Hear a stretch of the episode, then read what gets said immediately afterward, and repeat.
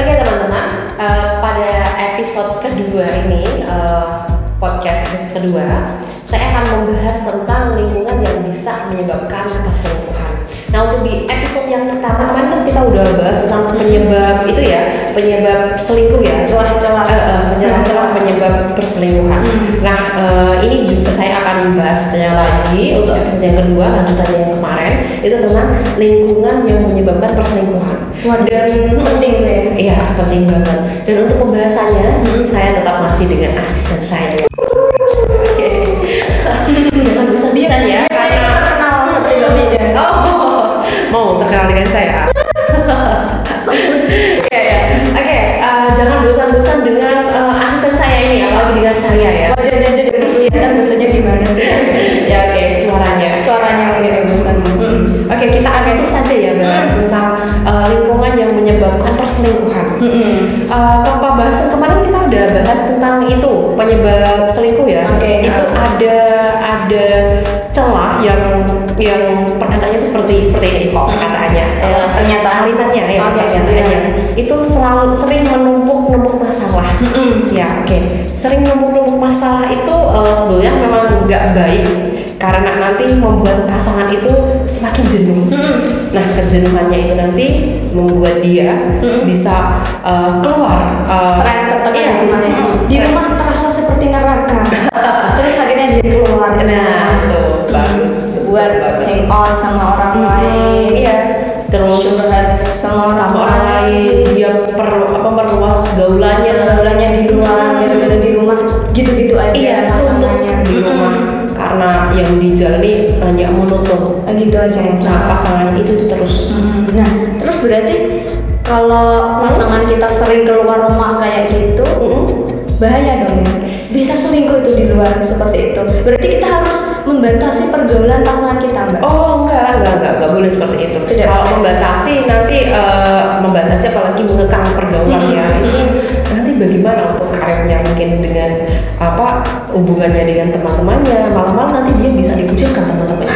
Semakin stres malah ya. Oh, ini nggak boleh nih, nggak nggak dibolehin sama istrinya nih. Istrinya overprotective. Nah, Wah, dibully dia sama Iya, temannya. dia dibully kasihan. Jadi boleh ber- bergaul, memperluas pergaulan tuh boleh. Boleh, Iya, sudah menikah ya. Tetapi di situ memperluas pergaulannya itu dengan siapa dulu. Gitu. Kita Oh. harus memilih-milah. Oke, Eh, oke. mau Memilih-milih lah ya. Oke, intensitas pergaulannya harus dibatasi Iya. sama siapa aja, terutama ya sama lawan jenis. Iya betul. Karena kalau udah bergaul dengan lawan jenis, dia udah nyaman, udah Hmm. merasakan kenyamanan, bisa Diselentil gini bisa langsung Nah, selingkuh. bisa timbul perselingkuhan iya apalagi kalau yang cewek itu melayani dalam arti Hmm. ada lampu hijau dari sini wanita Oke, dibukain pintu sama si wanita ya. ya buka pintu hati Buka pintu hati ya, sebetulnya itu maksud saya. Iya. ya itu eh, jadi memperluas pergaulan boleh tapi di Intensitasnya? iya, intensitasnya dibatasi Sih, khususnya yang dengan lawan Oh, jenis oke Oke, ber- berarti eh, intensitas pergaulan dengan lawan jenis Hmm. yang harus dibatasi itu yang seperti apa? Kalau misalnya nih saya punya teman kerja nih, Hmm. Iya. Mm-mm. laki-laki kan, Iya. itu aku harus sedekat apa dan nggak boleh harus melakukan apa sama teman kerja saya yang laki-laki itu? Oke, yang pertama rutinitas yang eh, perlu kamu batasi, eh, perlu perhatikan maksud saya, itu adalah rutinitas saat kamu rutinitas bareng, rutinitas bareng sama dia, sama Oh, dia gitu. itu sama teman kamu, maksudnya sama temannya gitu. Rutinitasnya bisa mm, mungkin berangkat bareng, pulang bareng, Selalu apa apa selalu bareng. Hmm. Iya, makan pun juga bareng, makan siang bareng, sarapan bareng. Waduh. Nah itu yang bikin susah, apalagi kalau dia hangoutnya bareng. Wah. Iya. Nah, punya kacau itu. abis ab- abis pulang kerja punya kegiatan bersama bareng berdua aja Hmm, Wah, itu harus iya. dibatasi itu harus diperhatikan Iya, itu itu eh, jadi teman-teman kalau misalkan kamu punya rutinitas bareng dengan teman kamu, apalagi khususnya yang udah pernah, eh, yang sudah menikah, udah punya keluarga, itu ya sebisa mungkin dibatasi lah rutinitas barengnya itu. Apalagi kalau rutinitasnya dengan teman lawan jenis, nah itu bahaya sekali. Jadi apakah nantinya kamu mau kalau misalkan hubungan kamu itu hancur ketika ada Hmm. rutinitas yang sama seperti itu ya. Nah, untuk rutinitas yang kedua itu adalah nah, tadi yang pertama ya. Oke, Nah, intensitas kedua yang perlu dibatasi ya. Mm, intensitas sekarang ini yang kedua. Hmm. Intensitas kedua yang harus dibatasi itu eh, rajin curhat Rajin curhat. eh, atau diskusi bareng dengan teman kamu yang lawan jenis tentunya Ya, masalah pribadi. ini masalah pribadi apalagi kalau udah tentang apa ya kekurangan pasangan Hmm. atau mungkin kamu merasa aku tuh selalu sepi ya hidupku itu itu aja nah, Nah, itu Suamiku sibuk kerja atau atau suamiku sibuk kerja ya eh kita terus- ini iya terus si teman kerja kita nawarin oke ah, nanti malam minggu kita keluar bareng kalau saya bisa Nah, takutnya itu kalau seperti itu Oke. ya takutnya malah kalau dia udah dicuratin gitu tapi langsung diterima langsung diterima terus diajak deh dia Eh, mau dong Iya. kalau deh Apalagi kalau sama-sama kesepian ya jadi mau dong ya berarti jangan sampai kita punya kebiasaan curhat Hmm, jadi jangan sampai punya kebiasaan curhat apalagi tentang pribadi. masalah pribadi kita Hmm, ya sebisa mungkin eh, ya kalau misalkan kita mau curhat atau menyampaikan sesuatu ke orang ya dibatasi lah. Kalau misalkan masalah pribadi-pribadi ngapain dicurhatin ya? Kalau menurut saya sih enggak lah kalau masalah pribadi. curhatnya sama konsultan cinta aja. ya kalau misalkan ingin curhat ya curhat. Nanti akan saya bantu. bantu. ada solusinya Ada setiap masalah ada solusinya. Oh, jadi wis. nggak perlu khawatir. Luar biasa. Kamu juga gitu kalau ada masalah cerita gitu. enggak aku juga membatasi mas sekarang ya jangan kalau kalau sama saya mah nggak usah takut gitu tapi kalau eh, sama teman kamu ya entahlah gitu oh gitu Hmm. oke ya karena kan punya kode etik Wush, apa itu berarti kode etik profesional konselor Oke. Hmm. atau konsultan gitu. siap ya selanjutnya untuk intensitas yang ketiga yang perlu diperhatikan itu adalah eh, sering mengeluh tentang kekurangan pasangan wow Iya, kalau kamu sering mengeluh, eh, misalkan "Eh, pasangan aku kok jarang mandi ya, atau mungkin Oh langsung diomongin di depan ya? Iya, Kamu tuh langsung. orangnya kok jarang mandi sih? Iya. Bau tau gak sih? Mm-mm, itu kan Mm. ih, kalau coba saja kalau misalkan kamu dapat eh, sindiran pedas kayak gitu dari pasangan itu, kamu, Itu bukan sendirian sih kayaknya. Langsung tutup poinnya. malah langsung ya, Oh langsung aku tampol gitu. pasti menyakitkan kan ya. Iya sakit banget. Nah itu eh, terus sebetulnya mengeluh seperti itu apalagi langsung menyindir pasangan seperti itu memang nggak baik juga sih. Kamu kan bisa juga eh, Pakai kalimat yang lebih sopan ya. Mm, Kalaupun misalkan kamu jengkel dengan pasangan, namanya juga pasangan. Kenapa dulu kamu Manusia, mau gitu? pasti punya Eh, kekurangan. Iya, karena kan memang Mm. eh, kalau kita udah sama pasangan kita, itu kan Mm. mau menerima kekurangan dan kelebihan Oke, kan ya. uh. Kalau misalkan kelebihannya aja kita udah terima, kekurangannya masa enggak? Oke, kalau misalnya jarang mandi tuh ngomongnya mungkin ah, lebih baik kalau gini. Aku tuh lebih suka Iya. kalau kamu rajin mandi Nah, gitu. ya. ya itu contoh kecilnya Nah, seperti itu. Sama pipinya ditolak. Mungkin bukan ada- ditampol tapi ditolak. ya biar agak sedikit manja gitu Oh, kali ya. gitu. Hmm. Iya. Ya mungkin itu eh, itu sedikit saja seperti itu. Hmm. Maksudnya contoh kecil gitu. Mm-hmm. Tapi kalau mau yang contoh lebih besar lagi kan pasti ada semua kekurangan pasangan itu pasti ada ya. Mm-hmm. Nah coba di situ kamu jangan pernah mengeluh. Jadi teman-teman yang pasangannya itu jorok ataupun Mm-hmm. mungkin dia menurut anda kurang perfect lah atau apa. Mm-hmm. Nah coba itu kalau misalkan ingin merubahnya di cara penyampaiannya itu dikemas secara rapi gitu loh. Ya paham kan ya maksud saya? Mm-hmm. Iya, Ya. sangat paham sekali.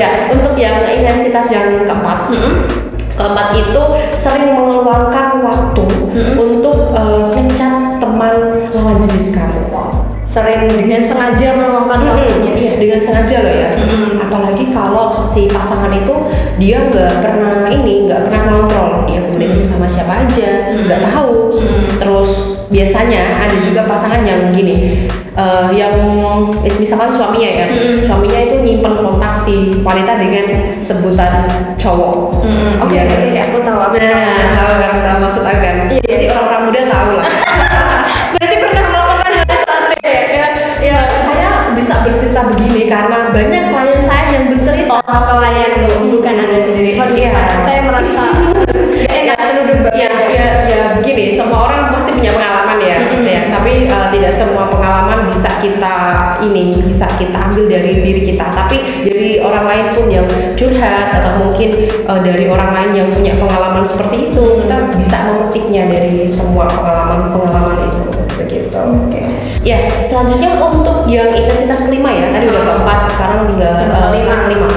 Yang kelima itu eh, mementingkan keperluan dia. Keperluan dia itu keperluan pesan pasangannya yang mungkin temannya dia best friendnya dia. calon selingkuhnya Iya. calon selingkuhannya lebih tepatnya seperti itu Gitu. lebih tepatnya Nah, selalu mempentingkan prioritas dia Hmm. ditimbang eh, ketimbang eh, prioritasnya sendiri sama keluarganya oh gitu Heeh.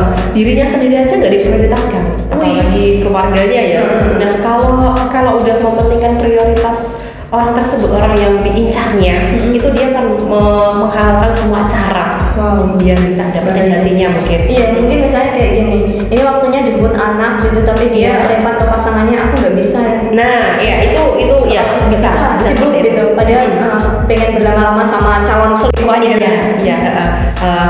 Eh, yang disukainya gitu ya, Hmm, yang iya, disukainya iya. jangan calon selingkuhannya ah, gimana sih kamu? Iya. Soalnya kan sore nanti bagaimana ya? Iya, eh, itu memang begini. Kalau misalkan dia udah prioritas ke orang tersebut, otomatis kan dia udah malas dengan kehidupan dengan keluarganya. Dia udah punya anak, mungkin eh, mungkin saja ada kepentingan keluarga yang tidak tidak bisa ditunda ya.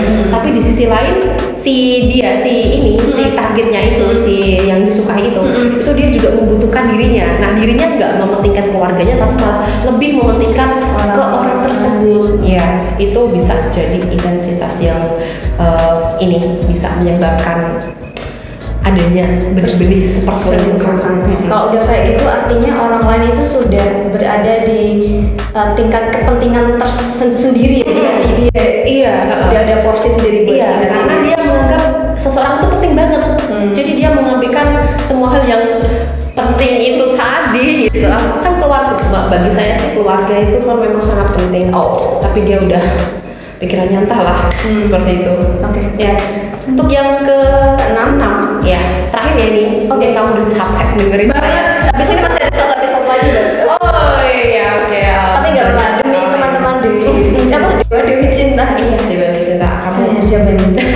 Oke, yang terakhir ya. Oke. ini adalah panggilan kesayangan atau sedotan kesayangan. Ya, kalau udah ada lampu hijau dari dia, dia pun juga udah merasa ah aku manggil dia apa ya? Mungkin dengan sebutan cinta atau mungkin sayang atau Gitu ya. apa, atau beb atau apa. Oh, Naya dipanggil sweeting. bisa jadi punya panggilan kesayangan tertentu ya udah pasti atau mungkin bukan sekedar panggilan manis-manis kayak gitu Ya. mungkin panggilan yang kayak tolong lucu-lucuan gitu bisa Iya. dimulai dari hal yang kayak gitu loh lucu kayak apa Dut atau mungkin contohnya ini Ah. mungkin dia ih kamu eh, kamu lagi apa Dut atau Oh. kamu lagi apa mi mi kan terlalu bagus ya mungkin mungkin terlalu apalah gitu lah Hmm. mungkin yang membuat dirinya itu panggilan kesayangan nggak harus yang baik-baik yang buruk pun juga bisa Bisa. karena dia sayang gitu kan Mm. ya oke teman-teman eh, itu tadi intensitas yang eh, Perlu dibatasi. perlu di- eh, yang intensitas yang perlu dibatasi ya jadi intensitas tersebut kalau misalkan kamu atau mungkin teman-teman kita yang eh, punya pasangannya yang udah punya intensitas dari enam tadi yang udah aku jelasin Mm, ya, muncul gitu. eh, eh, muncul seperti itu coba diomongkan baik-baik nah untuk cara menghindarinya atau mengatasi perselingkuhan itu bagaimana nanti akan saya bahas ke podcast yang ketiga ya Waduh, nanti kita masih bahas ada itu ya ketiga. iya jadi eh, gini kalau kita lelah seperti ini barokah karena Oke. kita tambah ilmu eh, tambah apa eh, menambahkan orang informasi kan Hmm. Oh, ya itu Nggak- manfaat buat orang iya lain. iya kita hidup iya iya iya oke Hidup oke. bermanfaat untuk akan orang saya lain. lakukan terus sampai episode ratusan akan saya jalani Iya, nanti kamu dapat pahala yang besar dan Amin. berlimpah. Oke, kalau begitu eh, kita sampai jumpa di episode ketiga ya. Jangan lupa didengarkan dan selalu diikuti saya dan juga asisten saya. Bye bye.